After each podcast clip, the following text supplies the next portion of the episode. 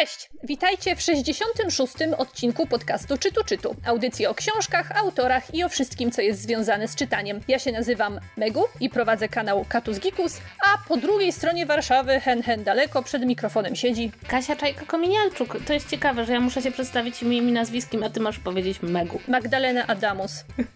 Moje jest równie długie, jak się je powie tak naraz, także myślę, że wszystko się wyrównuje. Wracamy do Was z kolejnym normalnym odcinkiem, już który nie, jest live'em i on będzie miał co Was może zadziwi, bardzo e, tradycyjną formę, to znaczy wracamy do książek z torebki i porozmawiamy sobie o tym, o czym ostatnio czytałyśmy, a później przejdziemy do pozycji jakże głośnej i jakże popularnej w ostatnim czasie i będzie e, bardzo gejowo. LGBT będzie. Będzie bardzo LGBT. Ale zanim będzie LGBT, to może Kasia opowie Wam o, o tym, co ostatnio czytała. Ja czytałam książkę, która podejrzewam, że parę lat temu byłaby książką, która w ogóle zajęłaby cały nasz odcinek i byłaby czytana przez wszystkich, ale dzisiaj wyszła tak trochę cichaczem i mam wrażenie, że część osób była zaskoczona, że w ogóle pokazała się w Polsce. A mowa o prequelu do Igrzysk Śmierci, czyli balladzie Ptaków i Węża autorstwa Susan Collins. I to jest bardzo ciekawa rzecz, ponieważ Susan Collins zdecydowała się opowiedzieć nam historię, która rozgrywa się kilkadziesiąt lat przed wydarzeniami z Igrzysk Śmierci i na swojego bohatera bierze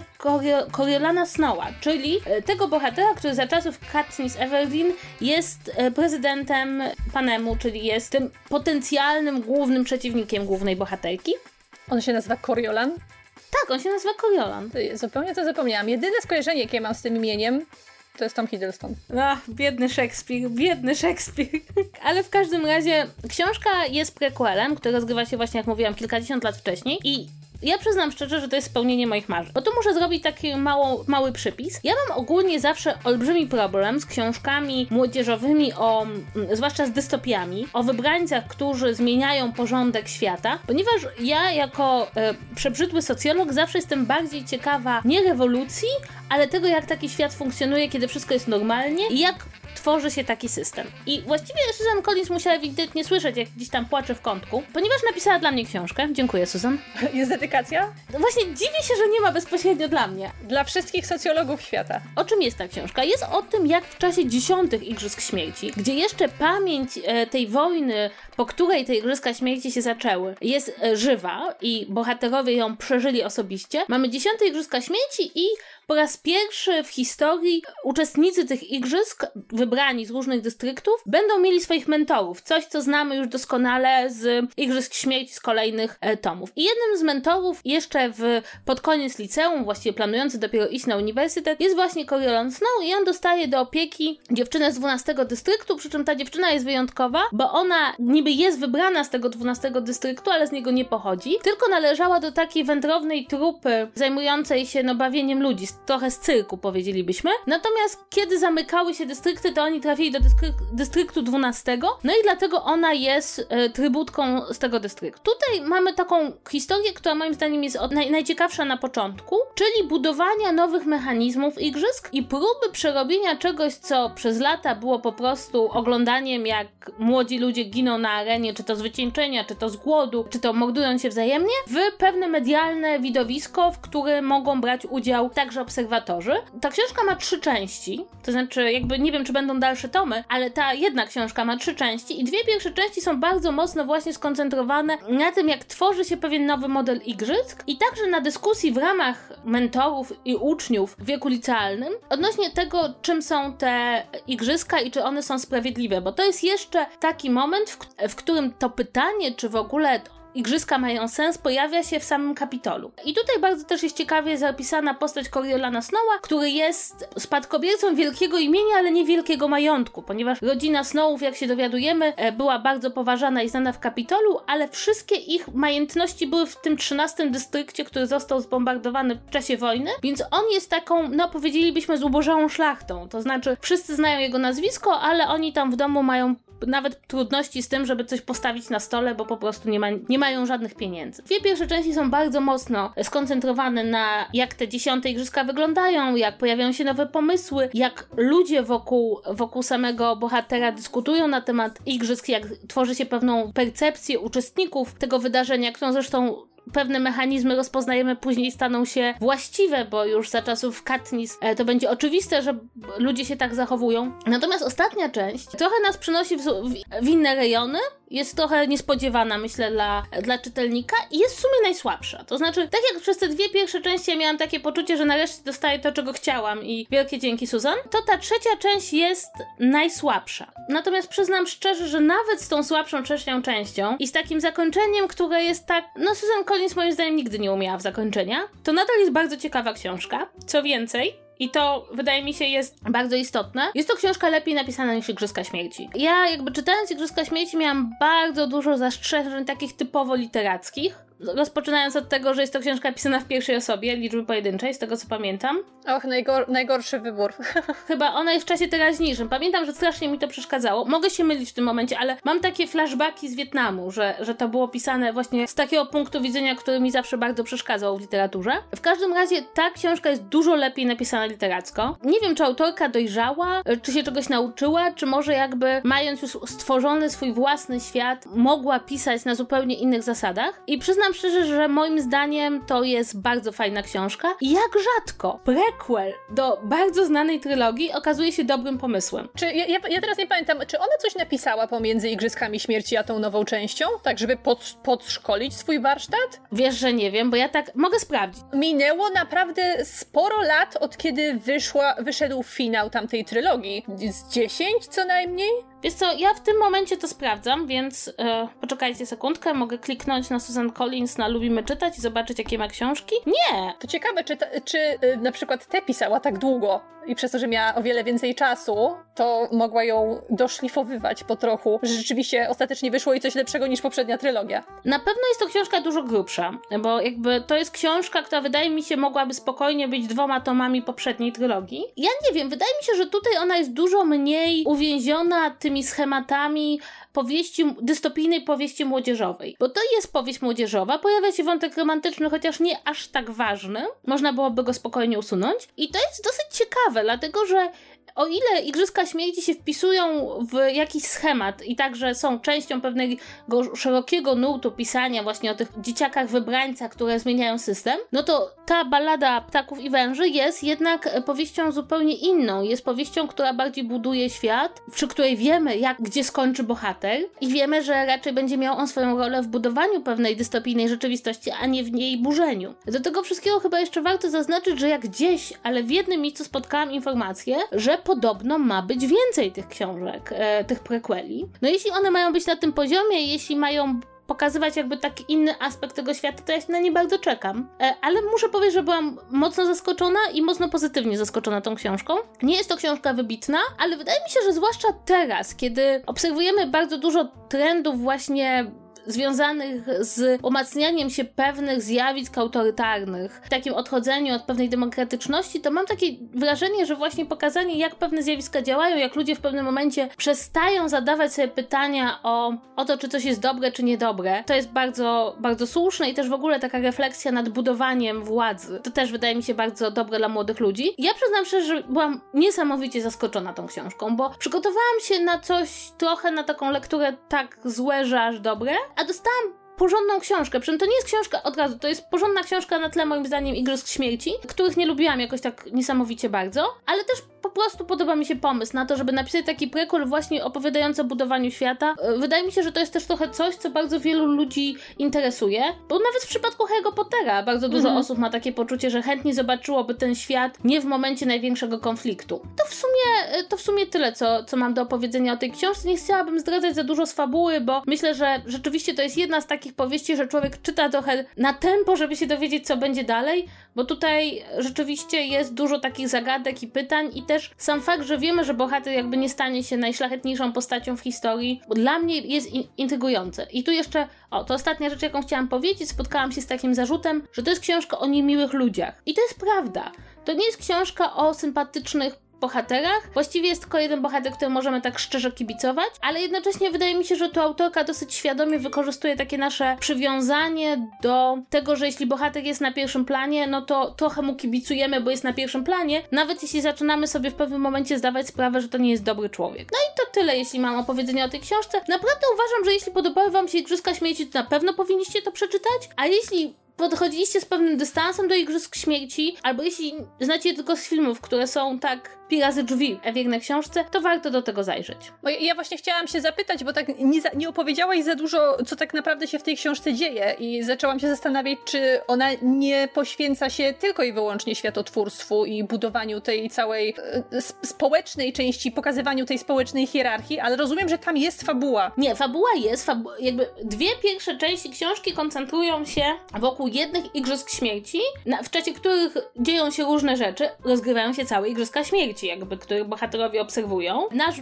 bohater ma tam swoją trybutkę, którą otacza opieką i robi dla niej dużo rzeczy. Jednocześnie w tle rozgrywają się pewne kwestie związane z tym, czy ma sens właśnie ta nagroda i z pewnym takim podejrzeniem nawet wśród mieszkańców Kapitolu, że nie wszystko odnośnie minionego konfliktu, ale także obecnej rzeczywistości im się mówi. Natomiast trzecia część, no mogę powiedzieć, ale to jest ostatnia rzecz, jaką powiem, żeby nie zająć za dużo, przynosi nas do 12 dystryktu, gdzie okazuje się, że pewne rzeczy są bardziej skomplikowane niż mogą się wydawać na pierwszy rzut oka. Więc tam jest absolutnie akcja, ale po co jest ta akcja? To jest, żeby nam lepiej wyjaśnić, jak działa ten świat i jak ludzie zmieniali swoje postawy względem, względem Igrzysk Śmieci. To teraz się czuję zaintrygowana. Jeszcze po, powinnaś normalnie pisać blurby na koniec książki, bo to z tym, że akcja się przenosi do 12 dystryktu i nie wszystko jest takie, jak nam się wydaje, to to jest to zdanie, przy którym postanowiłam, że chyba jednak to przeczytam. Bo ja, ja kiedyś bardzo lubiłam Igrzyska Śmierci, ale wiecie, to było 10 lat temu. Tylko uważałam, że są zbyt tak cukierkowo-lowelaśne, jak na, e, jak, jak, na książkę, która opowiada o takim bardzo poważnym konflikcie, więc e, zawsze miałam do niej duże zastrzeżenia. Ale może to, że tutaj nie ma aż takich wyraźnych romansów, będzie y, wartością dodaną. Dobrze, to ja teraz hijackuję mikrofon. Przejdę do książki, którą ja z kolei przeczytałam i myślę, że wielu z Was o tej książce słyszało, bo było na jej temat trochę głośno. Należy też wspomnieć, że wracamy do segmentu y, Megu poleca wydawnictwo czarne, ponieważ jest to wydawnictwo czarne. Lokowanie produktu niesponsorowane, tylko ja wracam do swoich tradycyjnych uzależnień. Jest to książka y, Tragedia na przełęczy Diatłowa, historia bez końca, autorstwa Alice Lugen. I jeżeli myślicie, że w tym momencie podam wam nazwisko tłumacza albo tłumaczki, to się grubo mylicie, ponieważ ja y, byłam zaskoczona, kiedy się okazało, że Alice Lugen jest pseudonimem y, polskiej pisarki. Jest to jej samodzielny debiut, ponieważ wcześniej była ghostwriterką i zajmowała się dziennikarstwem śledczym. I ja nie mam pojęcia, kto to jest. Kasia, czy ty wiesz, kto to jest? Nie, ale ja nawet nie próbowałam się dowiedzieć. Jakby nie, nie podjęłam tego wysiłku, bo było mi wszystko jedno. W każdym razie jest to autorka, która przez 7 lat badała tragedię na tytułowej przełęczy Diatłowa i jeżeli interesujecie się true crime albo historycznymi różnymi niewyjaśnionymi zagadkami, być może ta sprawa obiła się wam o uszy. Chodzi mianowicie o wyprawę rosyjskich studentów, którzy mieli takie kółko turystyczne i wybrali się na rzeczoną przełęcz w roku 59 i żadne z nich nie wróciło stamtąd żywe. Do dzisiaj różne hipotezy na, tej, na temat tej tra tragedii krążą i oficjalnie nie została ona wyjaśniona. Ta książka jest o tyle fajna, że ona nie skupia się na tej, na tej sensacyjnej sprawie całe, całej wyprawy i tej e, niewyjaśnionej zagadki śmierci studentów, ponieważ od czasu, kiedy do tego doszło, powstało dużo różnych e, horrorów, powieści science fiction, które próbowały rozwikłać tą zagadkę i wytłumaczyć, co tam się, co tam się na tej przełęczy stało, tylko że one osuwały się już w taką tanią, tabloidową sensacyjność, dopisując jakieś wydarzenia, których nigdy nie było i robiąc z tego e, fantastykę łącznie z atakami Yeti, duchami i nie wiem, chemtrailsami i tak dalej. Ta książka ma nad tym wszystkim e, ogromną przewagę o, o, tyle, że ona po prostu relacjonuje wszystkie wydarzenia, które doprowadziły do tej tragedii. E, tworzy takie krótkie e, portrety poszczególnych uczestników wyprawy, tłumaczy, co było podejrzanego związanego z niektórymi z nich, ponieważ nie wiadomo było, dlaczego niektóre z tych osób trafiły na tą wyprawę, ani kim tak naprawdę były, ale jednocześnie nie próbuje sama podawać odpowiedzi na to, co mogło być przyczyną śmierci studentów, ale bardziej skupia się na tym, jak, jak to możliwe, że ta taka, a nie inna tragedia wydarzyła się w ZSRR i, dlatego, i, i dlaczego sam proces dochodzenia do prawdy wyglądał tak, a nie inaczej, głównie dlatego, że były to, były to czasy poststalinowskie w kraju takim, a nie innym. I to jest też taka jedna z, jedna z ciekawszych części tej książki, pokazująca tą biurokrację, pokazująca te wszystkie reakcje polityków, które robiły wszystko, żeby nie doprowadzić tak naprawdę do, do, do, rozwiązania tej sprawy, ponieważ była ona trochę związana z różnymi, nie, nie, tyle próbami wojskowymi, co wydarzyła się w okolicy y, różnych poligonów, których istnienie rząd rosyjski za wszelką cenę próbował ukryć. Dlatego jeżeli ktoś y, y, szuka wyjaśnienia tej całej sprawy, to nie jest ta książka. Na tym etapie tak naprawdę chyba nigdzie nie znajdzie odpowiedzi, chociaż mnóstwo ludzi poświęca swój czas i zasoby na, na chociażby w internecie zrzeszając się, produkując y, różne rozwiązania tej zagadki. Chociaż wydaje mi się, że autorka tak jakby skłania się ku niektórym rozwiązaniom, chociaż nie podaje gotowych odpowiedzi, ale zostawia takie wskazówki, które moim zdaniem mogłyby świadczyć o tym, że ona wierzy w jakąś konkretną hipotezę na temat, na temat tej tragedii. W związku z tym moje myślenie o tej całej sprawie chyba zostało trochę skrzywione tym, tym, tym, tym jej wpływem, bo ja na przykład jestem w stanie powiedzieć, która ze wszystkich teorii spiskowych jest moją y, ulubioną i najbardziej prawdopodobną podobną. Nie wiem, Kasia, czy ty też taką masz. W każdym razie e, książka jest, chciałam powiedzieć, krótka, ale lepiej chyba powiedzieć, że po prostu bardzo łatwo się ją czyta, dlatego że ona ma taki klimat, ma, ma klimat trochę horroru, jednak mimo wszystko, że wiemy, jak to się skończy, a nie kończy się dobrze, to y, przez cały czas człowiek ma y, taką nadzieję, że oni w pewnym momencie się opamiętają, albo ktoś przyjdzie im z pomocą, albo y, ktoś wpadnie na to, jak doprowadzić do rozwiązania tej historii, żeby to jednak miało jakieś pozytywne zakończenie, a jednocześnie jest jest wciąż y, dobrym reportażem bazującym na dobrych źródłach, chociaż tutaj kwestia tych źródeł, jak one są niekompletne, jak trudno do nich dotrzeć, jest jednym z, y, z wątków tej książki. Dlatego czyta się ją y, bardzo szybko i wciąga, jakby to była taka thrillerowa fabuła. Zostawia bardzo dobre wrażenie. Ja z tą książką chodziłam do lekarza. Wszyscy lekarze, którzy mnie tamtego dnia przyjmowali, domagali się opowiadania o tej książce, byli bardzo zainteresowani, o czym to jest i że tak, kiedyś słyszałem o tej sprawie, ale że to się nie wyjaśniło, a pani co myśli? Więc ja musiałam im streszczać tą całą książkę i opowiadać o czym tak, y, o czym tak naprawdę jest. Mam wrażenie, mam, czy mam nadzieję, że ostatecznie któryś z nich po nią sięgnął. Także to jest dla miłośników tajemnic, zwłaszcza tych nierozwiązanych, dla, chciałam powiedzieć, miłośników ZSR-owskiej biurokracji, ale to chyba nie jest zbyt dobra polecajka, ale dla ludzi, którzy rozumieją, że ZSR to stan umysłu, to ta książka na pewno będzie dobrym wyborem. Ja ją też czytałam i muszę powiedzieć, że ja z kolei spotkałam się z takim przekonaniem, że ta książka powstała, żeby napędzać jakieś sensacje jakąś którąś z tych rozlicznych teorii spiskowych wokół całego wydarzenia i można powiedzieć, że ta książka nie tylko nie napędza teorii spiskowych, ale także w pewien sposób pokazuje skąd one się biorą. Pokazuje jak ludzie dobierają sobie pewne fakty, na przykład dotyczące właśnie personaliu tych studentów, których wielu było zatrudnionych przez pewnego rodzaju mm, pracach e, na elektrowniach atomowych. Dwóch z nich po prostu pracowało e, w takiej elektrowni, w której również doszło do, do awarii, gdzieś takiej no, troszeczkę na mniejszym poziomie niż w Czarnobylu i Europa nie dowiedziała się o tym aż do roku 90, więc to było też przez bardzo długi czas ukrywane i oni się, y, Rosjanie się po prostu bali, że ofiary, ofiary tej tragedii tak naprawdę nie poniosły śmierci, tylko że uciekły na zachód, żeby opowiadać o tym, co się stało, więc to z tym też również jest związane to, z jaką paranoją rosyjskie władze podchodziły do rozwiązania całej tragedii, jak to przez cały czas uniemożliwiały, żeby prawda nie wyszła na jaw. Dla mnie to jest w tej książce najważniejsze, to znaczy, jeśli nawet nie znacie historii Związku Radzieckiego, jeśli nigdy się nim nie interesujecie, interesowaliście, to lektura tej w sumie krótkiej, bardzo szybkiej do lektury książki, ja przeczytałam w jeden dzień, to pamiętam, e, pokazuje bardzo dobrze, jak działała ta administracja, jak bardzo na każdym poziomie były tam elementy biurokratyczne, jak bardzo często ludzie nawet nie tyle mieli bezpośrednie polecenie, żeby czegoś nie robić, ale sami sobie to do polecenie dopowiadali w głowie. Jak często kompetencje różnych organów na siebie nachodziły, jak bardzo sami śledczy bali się konsekwencji odkrycia pewnych rzeczy. I dla mnie to jest fenomenalna książka o Związku Radzieckim. Bardzo ciekawa o, o tej tragedii, natomiast fenomenalna książka o Związku Radzieckim, właśnie tak jak powiedziałaś, o tym, jaki to był stan umysłu i jak właściwie przez pryzmat tej tragedii, która budzi takie wszystkich emocje, można zobaczyć, jak, jak funkcjonował właśnie i ten system dochodzenia do prawdy, ale także ona świetnie pokazuje, moim zdaniem, w tym reportażu, jak wygląda turystyka i jej zorganizowanie i zdobywanie tych wszystkich oznak turystycznych, jak pewna rzecz, która powinna być no, sposobem spędzania wolnego czasu, staje się tutaj symbolem takiego, a nie innego funkcjonowania państwa, przez co ludzie podejmują decyzje, które bardzo często są nieracjonalne. I w związku z tym ja uważam, że to, to jest bardzo ciekawe, bo z jednej strony oczywiście to się czyta, zgadzam się z tobą, trochę jak horror, bo czujemy tą narastającą grozę, trochę jak takie rozliczanie się z teoriami spiskowymi, ale przede wszystkim dla mnie to jest po prostu bardzo, bardzo fajnie napisana książka o takim sposobie myślenia ludzi w Związku Radzieckim i to też właśnie tych ludzi, którzy działają z, z ramienia państwa, nie tylko, nie tylko studentów, ale też tych ludzi, którzy są odpowiedzialni za, za teorie naukowe, za śledztwo, za zbieranie dowodów. Więc naprawdę bardzo polecam i absolutnie nie jest to książka, którą ktoś napisał, żeby wzbogacić się na tragedii, bo też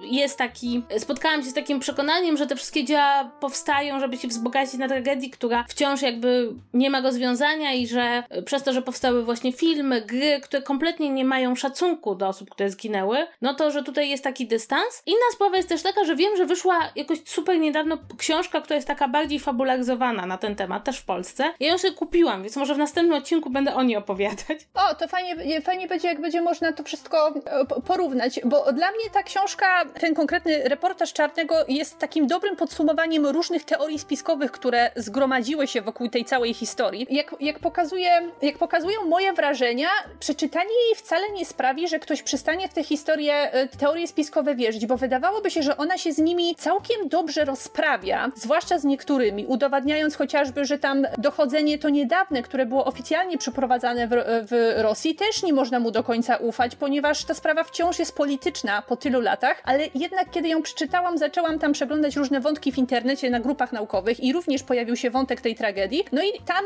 ludzie, którzy niby interesują się tą całą sprawą i interesują się tą tragedią, wciąż y, y, jako pewne, czy tam jako swoje ulubione wytłumaczenia tego, co się wydarzyło, wybierają te teorie spiskowe, które ta, ta książka obala. Więc y, nawet jej, nawet jej przeczytanie, a, a, przyznawali, że ją przeczytali na przykład. I nawet jej przeczytanie tutaj niczego nie zmienia, więc wciąż są ludzie, którzy nie wierzą temu, co tutaj jest napisane. Ja nie jestem aż tak emocjonalnie zaangażowana w całą tę historię, żeby, żeby bronić jak niepodległości tego, co tutaj, co tutaj jest napisane. No ale jest tam jakaś, jakieś rozwiązanie, które jest moim, powiedzmy, najbardziej pra- prawdopodobnym według mojej totalnie nienaukowej, nienaukowej wiedzy. Nie wiem, czy ty, czy ty masz takie, taką swoją teorię tego, co mogło do- zajść? Ja muszę powiedzieć, że zgadzam się z tobą, że moim zdaniem widać która teoria się bardziej podoba e, autorce i którą ona uważa za całkiem prawdopodobną, to można to jakby prześledzić. Natomiast ja sama nie uważam, żebym była w stanie określić prawdopodobieństwo jakiejkolwiek z tych teorii. Ja z, jestem wielką zwolenniczką zwykle brzytwy Ockhama, czyli to, że najbardziej prawdopodobne rozwiązanie jakiejś kwestii jest tym, tym, które się wydarzyło. Natomiast tutaj jakoś nie mam, nie mam tak, żebym mogła powiedzieć, że na przykład ta teoria deski śnieżnej, która przez wielu jest uważana za, za to najbardziej prawdopodobną, była rzeczywiście tak dobrze umocowana w faktach i w fizyce. Więc mam, mam takie poczucie, że ja nie muszę wiedzieć do końca, co się stało i że właśnie to jest dobre w tej książce, bo ona ci nie daje odpowiedzi, bardziej ci pokazuje nie dlaczego, że tej odpowiedzi nie mamy nie dlatego, że to są Yeti czy UFO, tylko tej odpowiedzi nie mamy, bo Związek Radziecki. I to będzie najlepsze podsumowanie. Chociaż to nie była deska śnieżna, to były testy rakiet, które nie wyszły. Nie mówcie Rosjanom, że to powiedziałam. Tym zdaniem myślę, że przejdziemy do naszego głównego tematu i wyobraźcie sobie, że to jest taka ciekawa sytuacja, że przechodzimy do książki, która już na antenie w naszym podcaście już była, bo ja już o niej mówiłam rok temu, kiedy ją pierwszy raz przeczytałam. To była jedna z książek, o których chyba, ja nie wiem, czy kiedykolwiek wypowiadałam się bardziej entuzjastycznie o jakiejkolwiek innej książce. Było tam mnóstwo pisków i zachwytów, a teraz książka wyszła po polsku. Nazywa się tak samo jak w oryginale Red, White and Royal Blue. Napisała ją Casey McQuiston, wydało ją e, Pruszyński i spółka. Dzisiaj sobie o niej porozmawiamy, ponieważ wokół wydania tej książki na naszym rynku narosło sporo kontrowersji i ja nie mam zielonego pojęcia, kto jest za to odpowiedzialny. Innymi słowy, Megu narobiła gabanu i wszyscy się muszą tłumaczyć. Nie, to rzeczywiście może zacznijmy od tego, że część z Was na 100% wie, bo śledzicie nas w innych social mediach, natomiast część z Was nie wie, że kontrowersje, o których mówiła Megu, dotyczą przede wszystkim tłumaczenia, bo Red, White and Royal Blue jest w języku angielskim napisany w sposób potoczny, przyjemny i dosyć zrozumiały, a także z licznymi nawiązaniami popkulturowymi. Natomiast w języku polskim, przynajmniej sam początek tej książki, bo potem jest już troszkę lepiej, jest najeżony dużą ilością błędów w tłumaczeniu. I są to błędy, no nie na poziomie, że ktoś nie załapał jakiegoś nawiązania popkulturowego, tylko to są błędy na poziomie ktoś nie załapał składni zdań. I tutaj może ja oddam tobie głos, ponieważ ja czytałam tą książkę w języku polskim, czytałam twoje oczywiście wszystkie wypowiedzi Megu, natomiast nie czytałam książki w języku angielskim, poza tam jakimiś drobnymi urywkami. W związku z tym nie będę się wypowiadała na temat jakości tłumaczenia, bo ja się naprawdę na tym nie znam. Żeby wam tak pokrótce streścić, jeżeli ktoś nie jest na bieżąco z całą, z całą sytuacją, ja dostałam tę książkę od wydawnictwa y, i podejrzewam, że już nigdy więcej w życiu nie dostanę nic od Puszyńskiego. jestem, na, jestem na to gotowa, biorę to na klatę. Ponieważ ja byłam bardzo zaangażowana w to, żeby ta książka jak najlepiej w Polsce się sprzedała, bo jest rewelacyjna, jest cudowna. Ja ją kocham całym moim maleńkim serduszkiem, pełnym, pełnym y, jadu i złośliwości wobec innych tłumaczy. Dlatego równie emocjonalnie zareagowałam na to, kiedy się okazało, że niestety tłumaczenie pozostawia dużo do życzenia, więc zaczęłam robić e, screeny, wrzucać je na Instagrama tak na, na, na, szybko, pełna emocji, a potem napisałam e, troszeczkę już bardziej moim zdaniem wyważonego posta na Facebooku, który wciąż zawierał te wszystkie screeny dla, e, dla przykładów, narzekając generalnie na to, ale starając się zwrócić uwagę, że zazwyczaj takie rzeczy nie wynikają e, tylko i wyłącznie z błędu tłumacza, ale jednak z pewnych błędów systemowych, to znaczy zabrakło korekty, zabrakło czasu, ktoś, ktoś zrobił coś źle. I jak się okazuje, po tym jak cały post się rozszedł, trochę na, na skalę, której się przyznam nie spodziewałam, odezwało się wydawnictwo i rzeczywiście okazuje się, że coś poszło nie tak, ponieważ z ich słów wynika, że posłali do druku złą wersję pliku,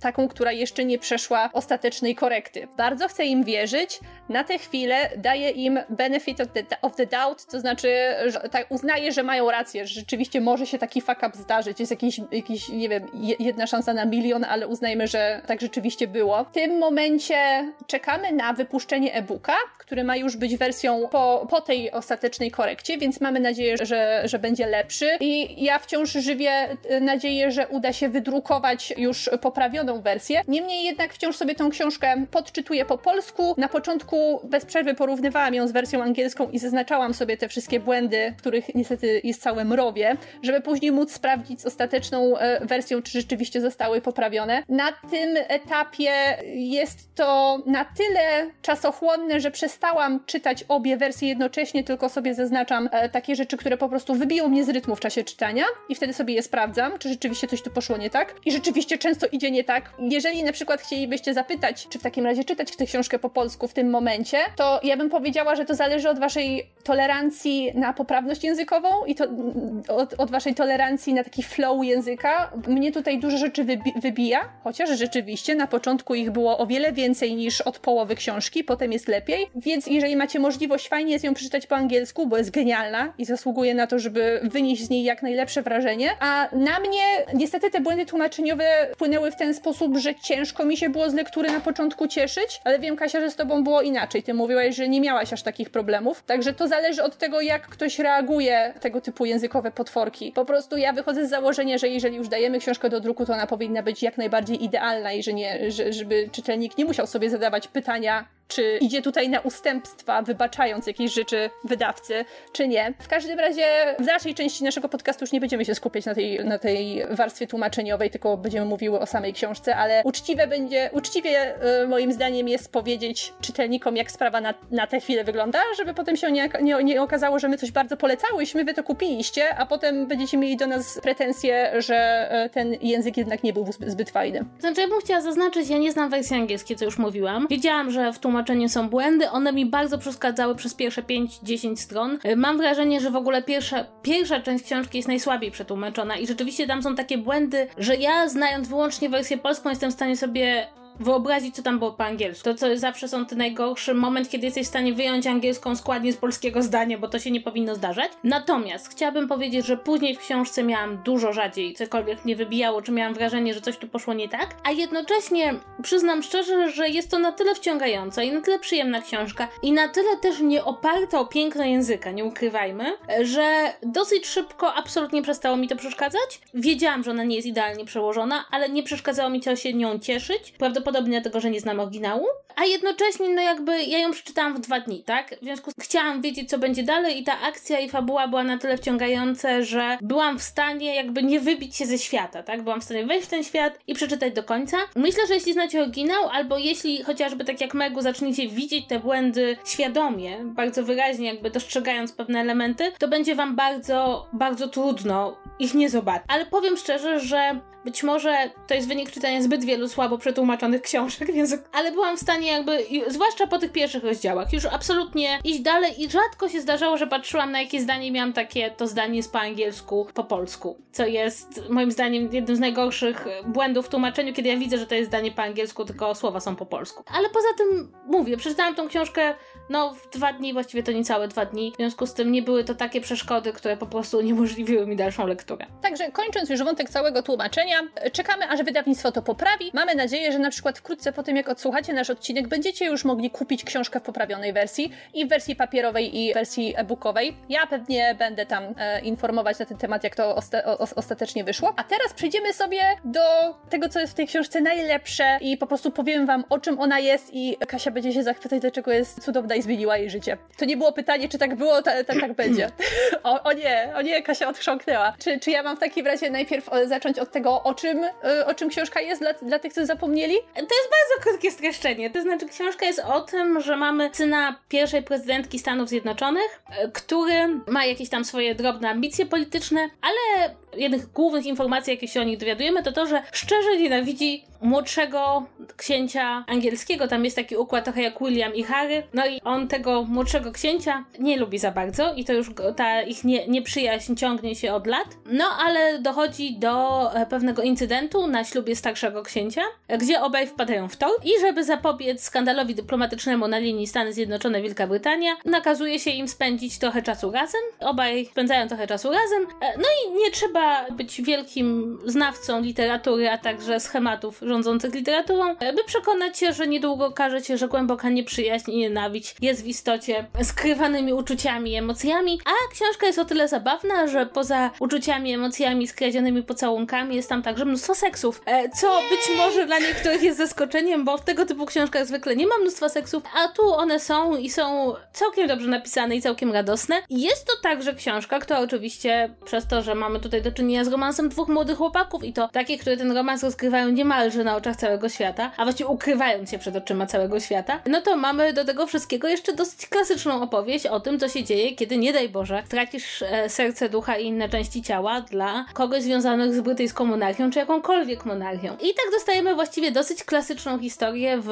nowych szatach, a w tle rozgrywają się pewne kwestie związane z amerykańską polityką, mediami, prezydenturą, walką demokratów z republikanami i pytaniem, czy można w, 20, w alternatywnym XXI wieku być młodym człowiekiem, na którego patrzy cały świat, który e, jest gejem. Czy ja mogę zacząć od tego, przypomnienie naszym słuchaczom, dlaczego ta książka jest genialna i ją kocham, jest moją ulubioną lekturą z zeszłego roku, bo niektóre rzeczy ułożyły mi się do, w głowie dopiero teraz, kiedy czytam ją sobie drugi raz. Ja doszłam do wniosku, że to jest książka, która idealnie wypełnia dla mnie pewną lukę, ponieważ ja czytam bardzo dużo YA, Young Adult książek młodzieżowych i wydawałoby się, że to jest książka, która jest właśnie tego typu lekturą, tylko że opowiada o ludziach trochę starszych i wymyka się tym wszystkim ograniczeniom gatunku powieści młodzieżowej, która nie pozwala na tak odważne sceny, które tutaj mamy. W YA masz ewentualnie trzymanie się za ręce, mocne pocałunki, jakieś tam troszeczkę ostrzejsze akcje, ale tam nigdy, praktycznie nigdy nie ma takiej ilości seksu i to takiego powiedzmy dosyć, no już mocno, mocno opisywanego w sposób erotyczny i to jest, i to jest taka lektura, która w moim wieku o wiele łatwiej i o wiele silniej we mnie rezonuje niż jakakolwiek inna opowieść Young Adult, dlatego że to jest to, czego ja właśnie potrzebowałam. Ja potrzebuję historii miłosnej o dorosłych ludziach, którzy uprawiają seks, więc są dla mnie prawdziwymi, prawdziwymi ludźmi troszeczkę bardziej obdartymi z tej całej idealności powieści młodzieżowych i tego, że tam udajemy, że tam ludzie nie uprawiają seksu, ale do, też doszłam do takiego wniosku, że jeżeli już w YA pojawią się sceny seksu, to ja mam takie wątpliwości zawsze, ojej, ale, ale oni są chyba za młodzi. Oni może jeszcze nie powinni. Że nie, nie czerpię z tego takiej satysfakcji, ponieważ zawsze mam wrażenie, że to coś, coś tutaj poszło, może to nie, nie jest pełna konsensualność, może oni powinni się jeszcze zastanowić i najlepiej to trochę odłożyć, jak mają te 15 lat, to, to, to chyba troszeczkę za wcześnie. A kiedy robi to dwójka dorosłych ludzi, to ja już się mogę z tego w pełni cieszyć. Ja wiem, że to jest odpowiedzialne, dorosłe, tak, tak może być, tutaj nie mam żadnych wątpliwości. Odkładam na drugi plan to, że tutaj mamy mowę o, o dwójce mężczyzn, bo równie dobrze mogła być to dla mnie historia miłosna pomiędzy mężczyzną a kobietą, chociaż nie ukrywam, że fakt, że to jest taka historia tego zakazanego romansu i to jeszcze na takim szczeblu władzy, z całą pewnością dodaje temu ogromny smaczek. I ja muszę znaleźć więcej takich książek. Więcej książek o ludziach w moim wieku, powiedziała 30-latka o bohaterach, którzy mają lat 21-23, ale czuję, że to są ludzie w, moj w moim wieku, którzy przeżywają takie historie miłosne, które ja bym mogła na tym etapie przeżyć, tak? Że ja już nie jestem, nie jestem nastolatką, którą zadowoli trzymanie się za rączkę. Megu po prostu chce więcej seksu w książkach. Tak, ja uważam, że seks w książkach jest całkiem fajny. A jeszcze a propos seksu w tych książkach, tam było parę takich momentów, że ja nie załapałam, że to już, bo ta autorka, ona mimo tego, że sięga po taką mocną erotykę, ona stara się być w tym wszystkim bardzo grzeczna. To znaczy, jeżeli w tej książce macie e, słowa opisujące męskie genitalia, to one częściej pojawią się w przekleństwach, którymi rzucają do siebie ci bohaterowie, niż w opisie scen erotycznych. Dlatego jeżeli ktoś się boi, że straci swoją książkową niewinność, bo tutaj będzie musiał coś czytać o penisach, руках. To, to, to nie jest pornografia.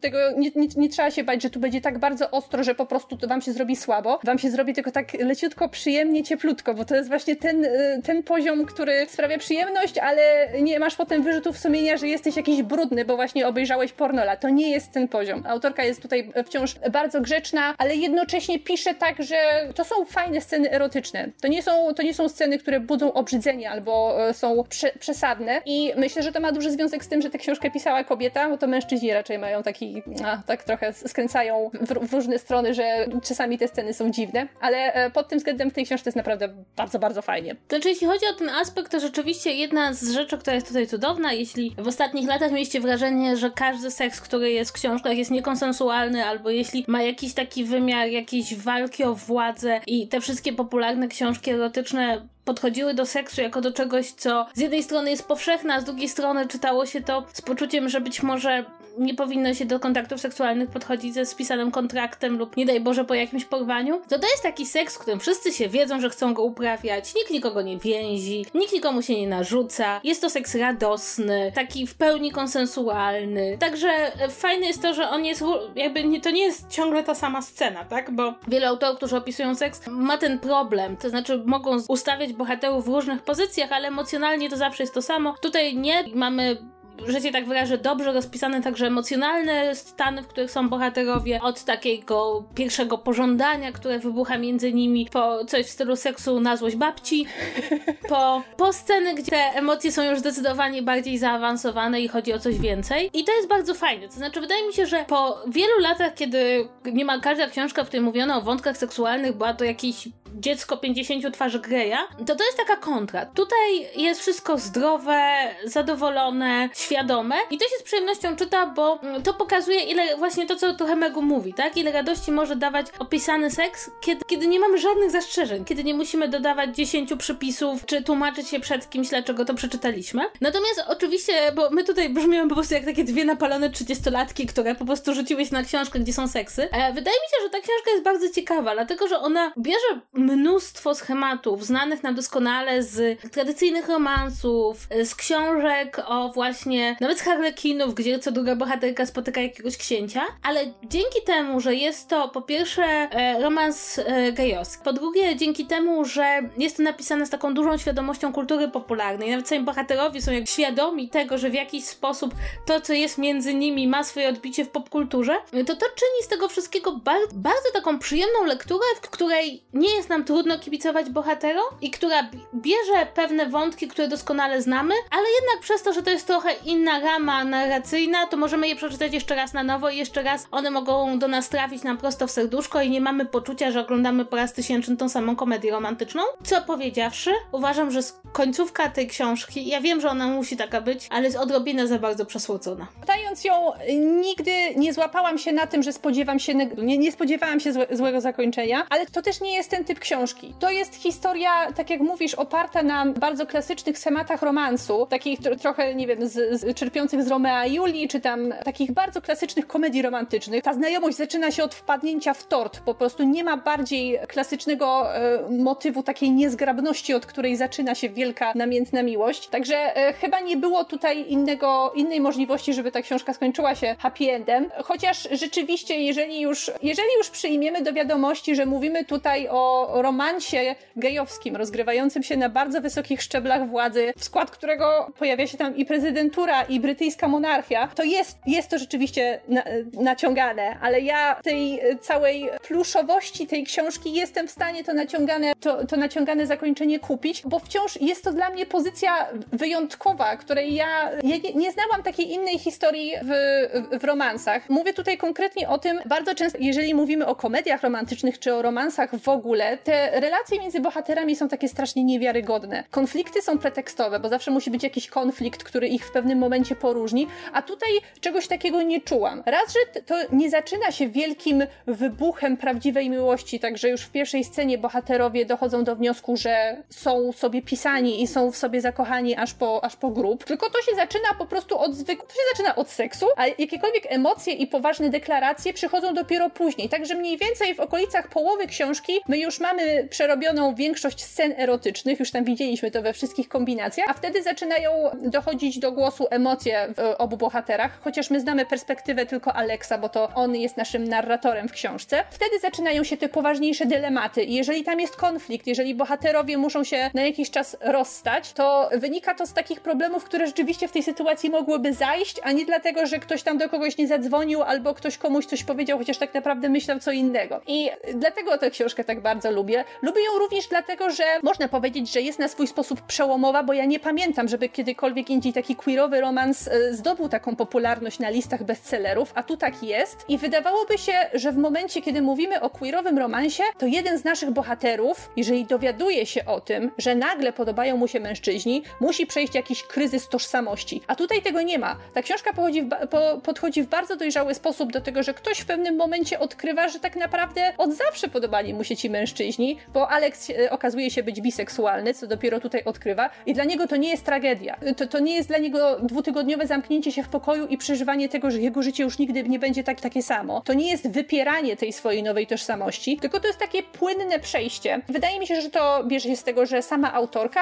jest, jest osobą LGBT i ona bardzo dobrze rozumie te problemy i chciała je zaprezentować w taki sposób, które nie straumatyzowałyby czytelnika, ani nie wtłoczyłyby mu żadnych takich głupich schematów, które potem bardzo trudno się ich z głowy pozbyć. To mi się tak strasznie w tym wszystkim podoba, że to jest takie naiwne, romantycznie naiwne, ale jednocześnie jest to w jakiś sposób dojrzałe i że ten cały, ten cały ich związek jest taki, że ja jestem w stanie w niego uwierzyć, że jest psychologicznie wiarygodny. Ja się zgadzam z tobą, że rzeczywiście świetny jest ten moment, kiedy Alex zaczyna się zastanawiać nad własną tożsamością, orientacją seksualną. I muszę powiedzieć, że to jest świetnie napisany fragment, bo on też trochę pokazuje, że to jakoś sobie myślimy wynika trochę z ram, jakie przyjmujemy względem samych siebie, bo on tam analizuje swoje życie i nagle okazuje się, że pewne rzeczy, które uważa za oczywiste, wcale takie oczywiste nie są. I też mi się bardzo podoba, że autorka w ogóle pozwoliła na biseksualnego bohatera, bo byłoby bardzo łatwo zrobić ten romans tak między dwoma gejowskimi chłopakami, a tymczasem jeden z nich jest biseksualny, co daje nam reprezentację w ogóle mniejszości, której, której wcale aż tak dużo nie ma i to zwykle występuje w roli tych złych albo tych zdeprawowanych, a tutaj absolutnie nie ma nic takiego. Mój zarzut jest raczej taki, że ja czytając zwłaszcza końcówkę, miałam wrażenie niesamowitej filmowej wyobraźni autorki. Tak nawiasem mówiąc, ta książka ma już wykupione prawa do sfilmowania. Ponieważ miałam takie wrażenie, że tam jest kilka takich scen, które byłyby bardzo fajne w filmie, ale niekoniecznie w literaturze. I to nie jest to, że ja bym chciała, żeby ta książka źle się kończyła, chociaż ja przyznam szczerze, że jestem największą fanką takich otwartych zakończeń albo takich słodko-gorzkich zakończeń, ale to jestem ja ja nie mam serca. Ale wiesz, w tym przypadku miałabyś do czynienia z kolejnym gejowskim romansem, który kończy się źle. Ja myślę, że zasługujemy na to, żeby były takie, takie historie, które się źle nie kończą. Ja nie uważam, że on się powinien skończyć źle, bo to jakby nie pasowałoby do, nie pasowałoby do, materi do materii w ogóle, ale uważam, że on się kończy odrobinę za dobrze dla wszystkich. Na przykład on się dobrze kończy w wątkach pierwszo, drugo mhm. i trzecioplanowych. I wydaje mi się, że tam chociaż odrobina takiego dziegciu w tej olbrzymiej kanistrze miodu by się, by się przydała, bo tam właściwie każdy, każdy element, który byłby potencjalnie przeszkodą, czy każdy element, który trochę boli bohaterów, tak naprawdę zostaje w jakiś sposób zneutralizowany. E, więc ja miałam już pod koniec za bardzo poczucie takiego flafu, ale być może ja jestem bez serca, a być może jest. Znaczy, na pewno tą książkę się miło czyta, tak? To znaczy, jak się ona, ona człowieka przytula i człowiek ją czyta i czyta i jest mu miło i pod koniec wszystko jest dobrze. Ja lubię, kiedy pod koniec wszystko jest prawie idealnie dobrze, ale ktoś z drugiego planu na przykład nie okazuje się najlepszym człowiekiem, czy, czy jednak przed bohaterami stoją jakieś wyzwania, których się być może nie spodziewali, no ale założę, że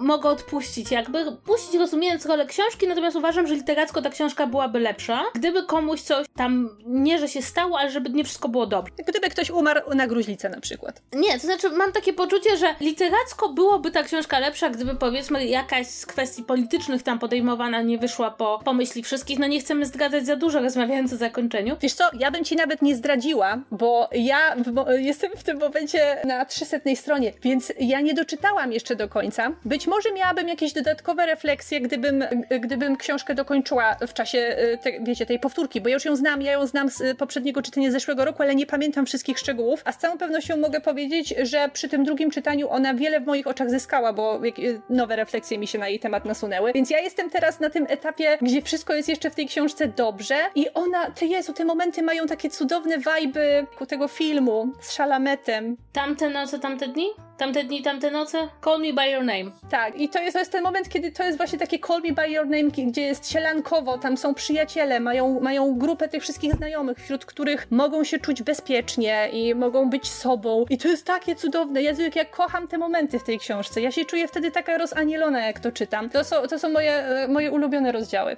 Znaczy, ja przyznam szczerze, że z przyjemnością przeczytałam tę książkę i bardzo fajnie mi się ją czytało. Dwa dni mi zajęło jej przeczytanie i na pewno gdybym była w gorszym humorze, to ta książka by mi ten humor poprawiła. Natomiast literacko jest dla mnie odrobinę za bardzo filmowa. Ja widzę kadry, które chciała nakręcić swoją, swoją książką autorka i mam takie głębokie poczucie, że ona też ma bardzo filmową wyobraźnię. To jest dla mnie o pół tonu zbyt słodkie, zbyt, o pół tonu zbyt fanfikowe.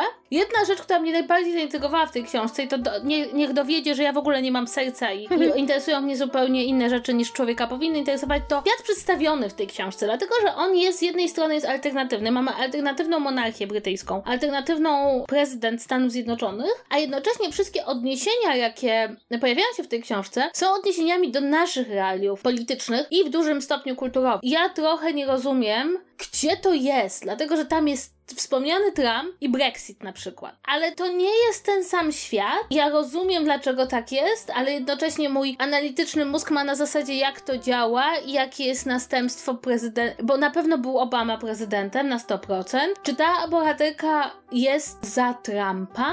A ta królowa jest królową za Elżbietę, czy w każdym razie innymi słowy, kiedy wszyscy koncentrują się na gejowskim romansie, Kasia myśli, hmm, jak tu działa konstrukcja świata? Przy czym oczywiście to jest drugorzędne, to jest sympatyczny romans, w którym absolutnie to, że to nie ma sensu, nie ma znaczenia. To tutaj dodam, ale powiem szczerze, że spędziłam dużo czasu się tym zastanawiając. Znaczy, takie fajne, takie rozkwiny są jak najbardziej fajne. Jeżeli chodzi o tą rodzinę brytyjską w tej książce, to ja myślę, że autorka tutaj się inwencją za bardzo nie popisała, ponieważ to jest po prostu, to jest William i Harry. To jest William i Harry, dorzuciła im tam siostrę dla niepoznaki, ale nikt się nie poznał. Wszyscy wiedzą, że to jest William i Harry. Tym bardziej, że po wydaniu tej książki życie jak dla mnie po prostu dopisało jakieś inne konteksty jeszcze, bo jak ja ją przeczytałam, to potem był ten moment, kiedy Harry nagle stwierdza, że on mówi papa monarchii i to było takie, o mój Boże, to jest Red White Royal Blue się dzieje naprawdę, to wkracza do prawdziwego życia. Więc ja jestem zachwycona, jak ostatecznie życie tutaj dopisało kolej, kolejne wątki tej książki. To prawda, rzeczywiście nie ukrywam, że kiedy czytałam tą książkę, to, to w roli angielskiego księcia wyobrażałam sobie cały czas księcia Harego. Natomiast było mi bardzo przykro, kiedy musiałam sobie wyobrażać księcia Williama jako tego Filipa, który tam jest taki mało ciekawy.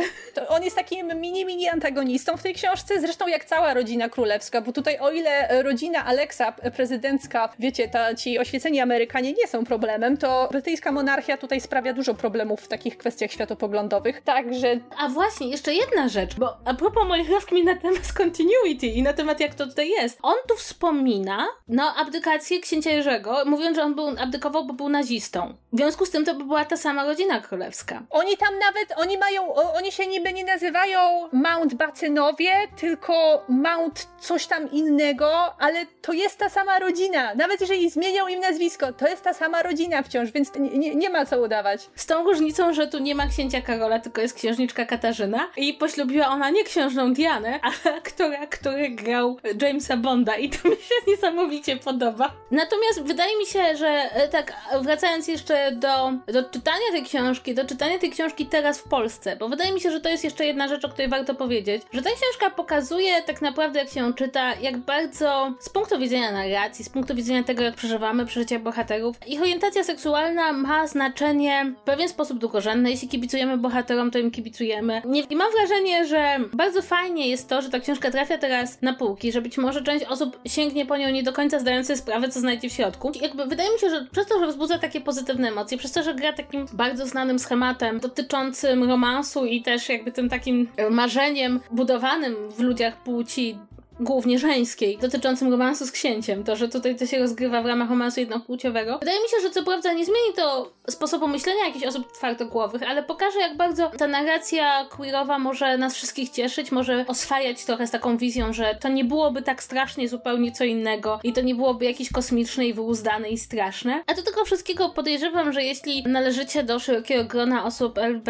LGBTQ, to po tych wszystkich smutnych rzeczach, które się sączą z mediów i po tych wszystkich strasznych przekazach, które się sączą z każdej strony. Zanurzenie się w książkę, gdzie wszystko jest dobrze i wszystko się dobrze kończy i jest różowo i pięknie i tęczowo, może przynosić jakieś takie pocieszenie już zupełnie realne, jakiś taką, taki eskapizm do lepszego świata e, literackiego i wydaje mi się, że to jest takie dobre, że ta książka teraz wyszła w Polsce i że możemy ją polecać i wydaje mi się, że nawet jeśli jest źle przetłumaczona, to też tak trochę wspierać, bo wyszła w takim momencie, w którym przeczytanie pozytywnego, sympatycznego romansu dwóch chłopaków jest czymś więcej niż tylko, niż tylko zapewnieniem sobie kilku czy kilkunastu godzin dobrej rozgrywki. Oj tak, ja się zdecydowanie z tym zgodzę. To jest idealna książka na handrę, to jest idealna książka, żeby sobie poprawić humor, żeby postawić coś w kontrze we własnym życiu do, tego, do tych wszystkich niestety przykrych doniesień, które ostatnio do nas docierają w naszym kraju w tematyce osób LGBT. Także ja ją ponownie z całego serca polecam. Jeżeli, jeżeli w zeszłym roku to była moja ulubiona lektura, to w tym roku to będzie moja drugi raz już ulubiona lektura w trochę innej y, wersji językowej. Przy okazji, wiecie, rozegrało się trochę dramy z okazji jej wydania, tam nigdy dobrą dramą nie pogardzę. Ja myślę, że takie książki są też przepełnione dramą nie bez powodu, bo wszyscy je lubimy. Ale ja ją tak kocham. Ja, ja naprawdę, ja ją tak uwielbiam, że ja teraz z wytęsknieniem czekam na kolejną książkę tej autorki, bo już jest zapowiedziana i ona ma zamiar utrzymać te konwencje pisania komedii romantycznych, w której bohaterami są osoby LGBT. Tym razem jej bohaterkami mają być podobno dwie kobiety, chociaż nieznane są jeszcze jakiekolwiek szczegóły na temat fabuły tej następnej książki, ale warto obserwować tę dziewczynę i czekać na jej e, następne powieści. Casey e, McQuiston, to przy, przypominam. I mam nadzieję, że również będą wydawane w Polsce i mam nadzieję, że mimo wszystko, mimo tych kontrowersji wokół polskiego wydania, ta książka się jednak na tyle dobrze sprzeda, że nikt nigdy nie wykorzysta jej jako argumentu przeciwko temu, żeby wydawać u nas tego typu romanse, bo to są naprawdę bardzo potrzebne książki, nawet nie tylko w takim sensie ideologicznym, że mogą u kogoś coś przekonać kogoś, kto był dotąd nieprzekonany, ale one po prostu dostarczają mnóstwo radochy i są czymś innym niż klasyczne romanse mężczyzny i kobiety, które zazwyczaj e, mamy okazję czytać. I mam też takie wrażenie, i to wrażenie się pogłębia im dłużej mija od przeczytania tej książki, a to już cały tydzień,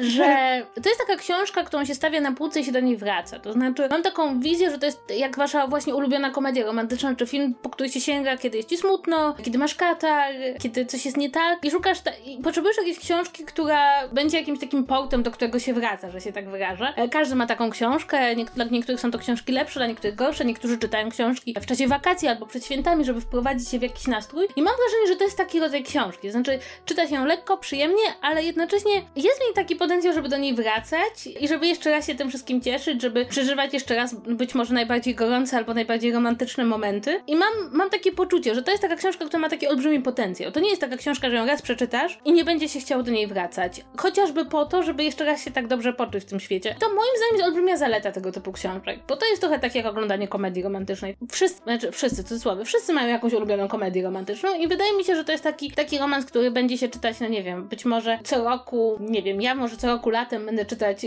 Red, White and Royal Blue, żeby sobie właśnie przypomnieć te emocje, a jednocześnie, żeby, nie wiem, zatęsknić za jakimś letnim romansem, coś takiego. Ja też mam nadzieję, że jak w końcu ją zekranizują, a jestem na tym etapie pewna, że, że, że to zrobią, skoro prawa są sprzedane i to jest naprawdę e, popularna i bardzo chwalona książka, to będzie to taki film, który będzie miał potencjał, żeby wejść do tego kanonu najlepszych komedii romantycznych, obok, ty, obok tych wszystkich klasyków, jak, nie wiem, Cztery Wesela i Pogrzeb i tak dalej. Nie wiem, jak, nie wiem jak ty, jeszcze sobie nie zdążyłam wymyślić, kogo bym widziała w głównych rolach. A właśnie się teraz zastanawiałam, no, e, niestety, to znaczy, niestety, i to wielki cudzysłów, niestety, Alex e, to bohater pochodzenia e, meksykańskiego, w związku z tym nie może go grać Timothy Chalamet. No nie, no ale już drugi raz bym go nie wsadza, no bo rzeczywiście, na pierwszy rzut oka ta sama obsada, Armie Hammer i Timothy Chalamet mogłaby tutaj być. Kurde, Ar Armie Hammer byłby dobry na księcia. Armie Hammer był ale różnica wieku jest za duża. Tak, jakby to był problem w Hollywoodzie. Nie, ale tutaj wydaje mi się, że to jest bardzo ważne, żeby oni byli mniej więcej w tym samym wieku, jakby, bo to, to też ma swój urok, nie? Że w końcu nie ma tej wielkiej różnicy wieku, oni są w, mniej więcej w tym samym momencie swojego życia. Kończą studia, zastanawiają się nad swoją przyszłością, więc wydaje mi się, że to jest ważne. E, ja niestety mam problem, bo ilekroć sobie wyobrażam tego księcia, to widzę księcia Harego i nie jestem w stanie. Ale on tak wizualnie nie jest jak książę Harry. On tutaj ma być blondynem. Słuchajcie, znajdźcie nam przystojnego blondyna około 23 lat z rozwianym włosem. Okej, okay, w każdym razie, jeśli zastanawiacie się, co spędzi, będziemy robiły przez najbliższe dwie godziny po zakończeniu nagrania tego podcastu, to googlowały przystojni młodzi ludzie, którzy mogliby. I, i będziemy się zastanawiały nad naszą obsadą, chyba że wy macie po prostu już. E, podejrzewam, że część z naszych słuchaczy i słuchaczek już przeczytała książkę, już ma wymyśloną obsadę, albo zna jakiś link do jakiegoś postu na Tumblr, gdzie obsada jest od A do Z, bo na nich zawsze można liczyć. E, więc, więc czekamy. Przy czym zasada jest taka, że jeśli będziecie wymyślać obsadę, to jednak tego angielskiego księcia jakiś Anglik powinien powinien grać, nie? Oj tak, akcent tu jest bardzo ważny z punktu widzenia fabuły. Akcent jest tu kluczowy. I musi ładnie wyglądać w spodniach do polo. W ogóle to mamy dla was taką niespodziankę na sam koniec z okazji premiery książki. To znaczy Kasia ma jedną w zapasie. Tak, otóż, ponieważ mi też wydawnictwo przysłało książkę cztery dni po tym, jak zdążyłam kupić własną ją przeczytać, w związku z tym jestem teraz dumną posiadaczką dwóch egzemplarzy wydania książkowego Red, White and Royal Blue i jakkolwiek bardzo chcę jedną z tych książek zatrzymać na swojej półce, no to nie chcę ich obu zatrzymywać i w związku z tym pomyślałam, że byłoby bardzo fajnie zrobić dla Was mini konkurs, gdzie będzie do wygrania jeden egzemplarz. I mam e, dla Was pytanie klasyczne, mi się przynajmniej wydaje. Otóż, żeby wygrać książkę, musicie po pierwsze polubić nasz fanpage na Facebooku, a, a co, niech, niech coś z tego mamy. A po drugie, napisać nam w komentarzu pod nagraniem na YouTubie, bo tam jest chyba najłatwiej, za którego z europejskich, uwaga, podkreślam europejskich, monarchów, następców tronu oraz ogólnie rzecz biorąc wysoko postawionej arystokracji nie chcielibyście się wydać, ale wdać się przynajmniej w romans. Najlepiej, najlepszy wybór z najlepszym wyjaśnieniem. Może być płci obojga y, zostanie przez nas nagrodzony. Płeć jest absolutnie dowolna, więc możecie teraz przez najbliższe godziny googlować angielską, szwedzką, norweską, belgijską arystokrację. No tak, i nie, nie idźcie na łatwiznę, nie wybierajcie kogoś z brytyjskiej monarchii, tylko tak troszkę, jakiś, jakiś research, jakiś research proszę zrobić. Tak, i obiecujemy, że w następnym odcinku podamy imię i nazwisko zwycięzcy. I to nie w ostatniej minucie, żebyście nie musieli słuchać do samego końca. Myślę, że zrobimy to na początku, tylko musimy to zapamiętać, bo ja zapomnę, ja nigdy nie pamiętam o takich rzeczach. Dobrze, to będziemy się starały pamiętać i to chyba wszystko w tym e, jakże długim odcinku. To tak jest, jak, jak sobie poczytamy gejowskie romanse to tak potem się robi odcinek. A potem, potem się ma flow. No ja, ja bym mogła jeszcze dłużej o tej książce opowiadać, bo jestem nią tak zachwycona. Wiecie, rok minął, a ja, a ja ciągle ją kocham. To znaczy, wiesz co, bo to jest jakby, ja wiem, że już koniec nadchodzi, ale to jest trochę złośliwe, znaczy złe z naszej strony, że nie mówiłyśmy. Tam jest bardzo dużo fajnych postaci długoplanowych, e, bardzo dużo fajnych postaci kobiecych długoplanowych. Bardzo jest ciekawe to, że w ogóle mamy tutaj do czynienia z prezydentką, która jest, ma swojego męża, z którym się rozwiodła, który jest senatorem i, i tam jest bardzo dużo takich ciekawych politycznych smaczków i społecznych. I, i w ogóle jest tam dużo fajnych scen, które w ogóle nie dotyczą e, gejowskiego seksu ani naszego głównego bohatera, więc więc polecamy także dlatego, to nie jest taka książka, w której są tylko dwóch chłopaków i nic poza nimi. No dobrze, ale naprawdę musimy kończyć, bo ja to muszę zmontować, a to po prostu już ma ponad godzinę. Słuchajcie, bardzo było miło, że nas wysłuchaliście dzisiaj. E, Pamiętajcie polubić nasz fanpage na Facebooku, niezależnie od tego, czy będziecie brać udział w konkursie, czy też nie. Pamiętajcie subskrybować nasz podcast na Spotify, subskrybować nasz podcast na, na YouTubie, na iTunesach, żebyście nas polubili i jeśli wam się podoba nasz wspaniały podcast, zostawi nam recenzję, bo to ma znaczenie. I teraz Megu wam powie jeszcze, na jaki adres możecie pisać, bo ja znowu coś pomylę. Jeżeli macie nam coś do napisania, to po prostu napiszcie nam maila na kontakt małpa czytu-czytu.pl. Możecie też zostawić komentarze we wszystkich miejscach, w których publik- publikujemy nasze odcinki, w tym na Facebooku. Będzie nam wtedy bardzo miło, ale przypominam, że komentarze do konkursu zostawiacie pod filmikiem na YouTubie. Także to jest ważne, to sobie zapamiętajcie. I to by było już wszystko e, w tym odcinku. Zobaczymy się już niedługo. Mam nadzieję, że z równie entuzjastycznymi opiniami na temat ko- kolejnych książek. Polecamy Wam jeszcze raz lekturę Red, White and Royal Blue i trzymajcie się cieplutko. Pa, pa! pa, pa.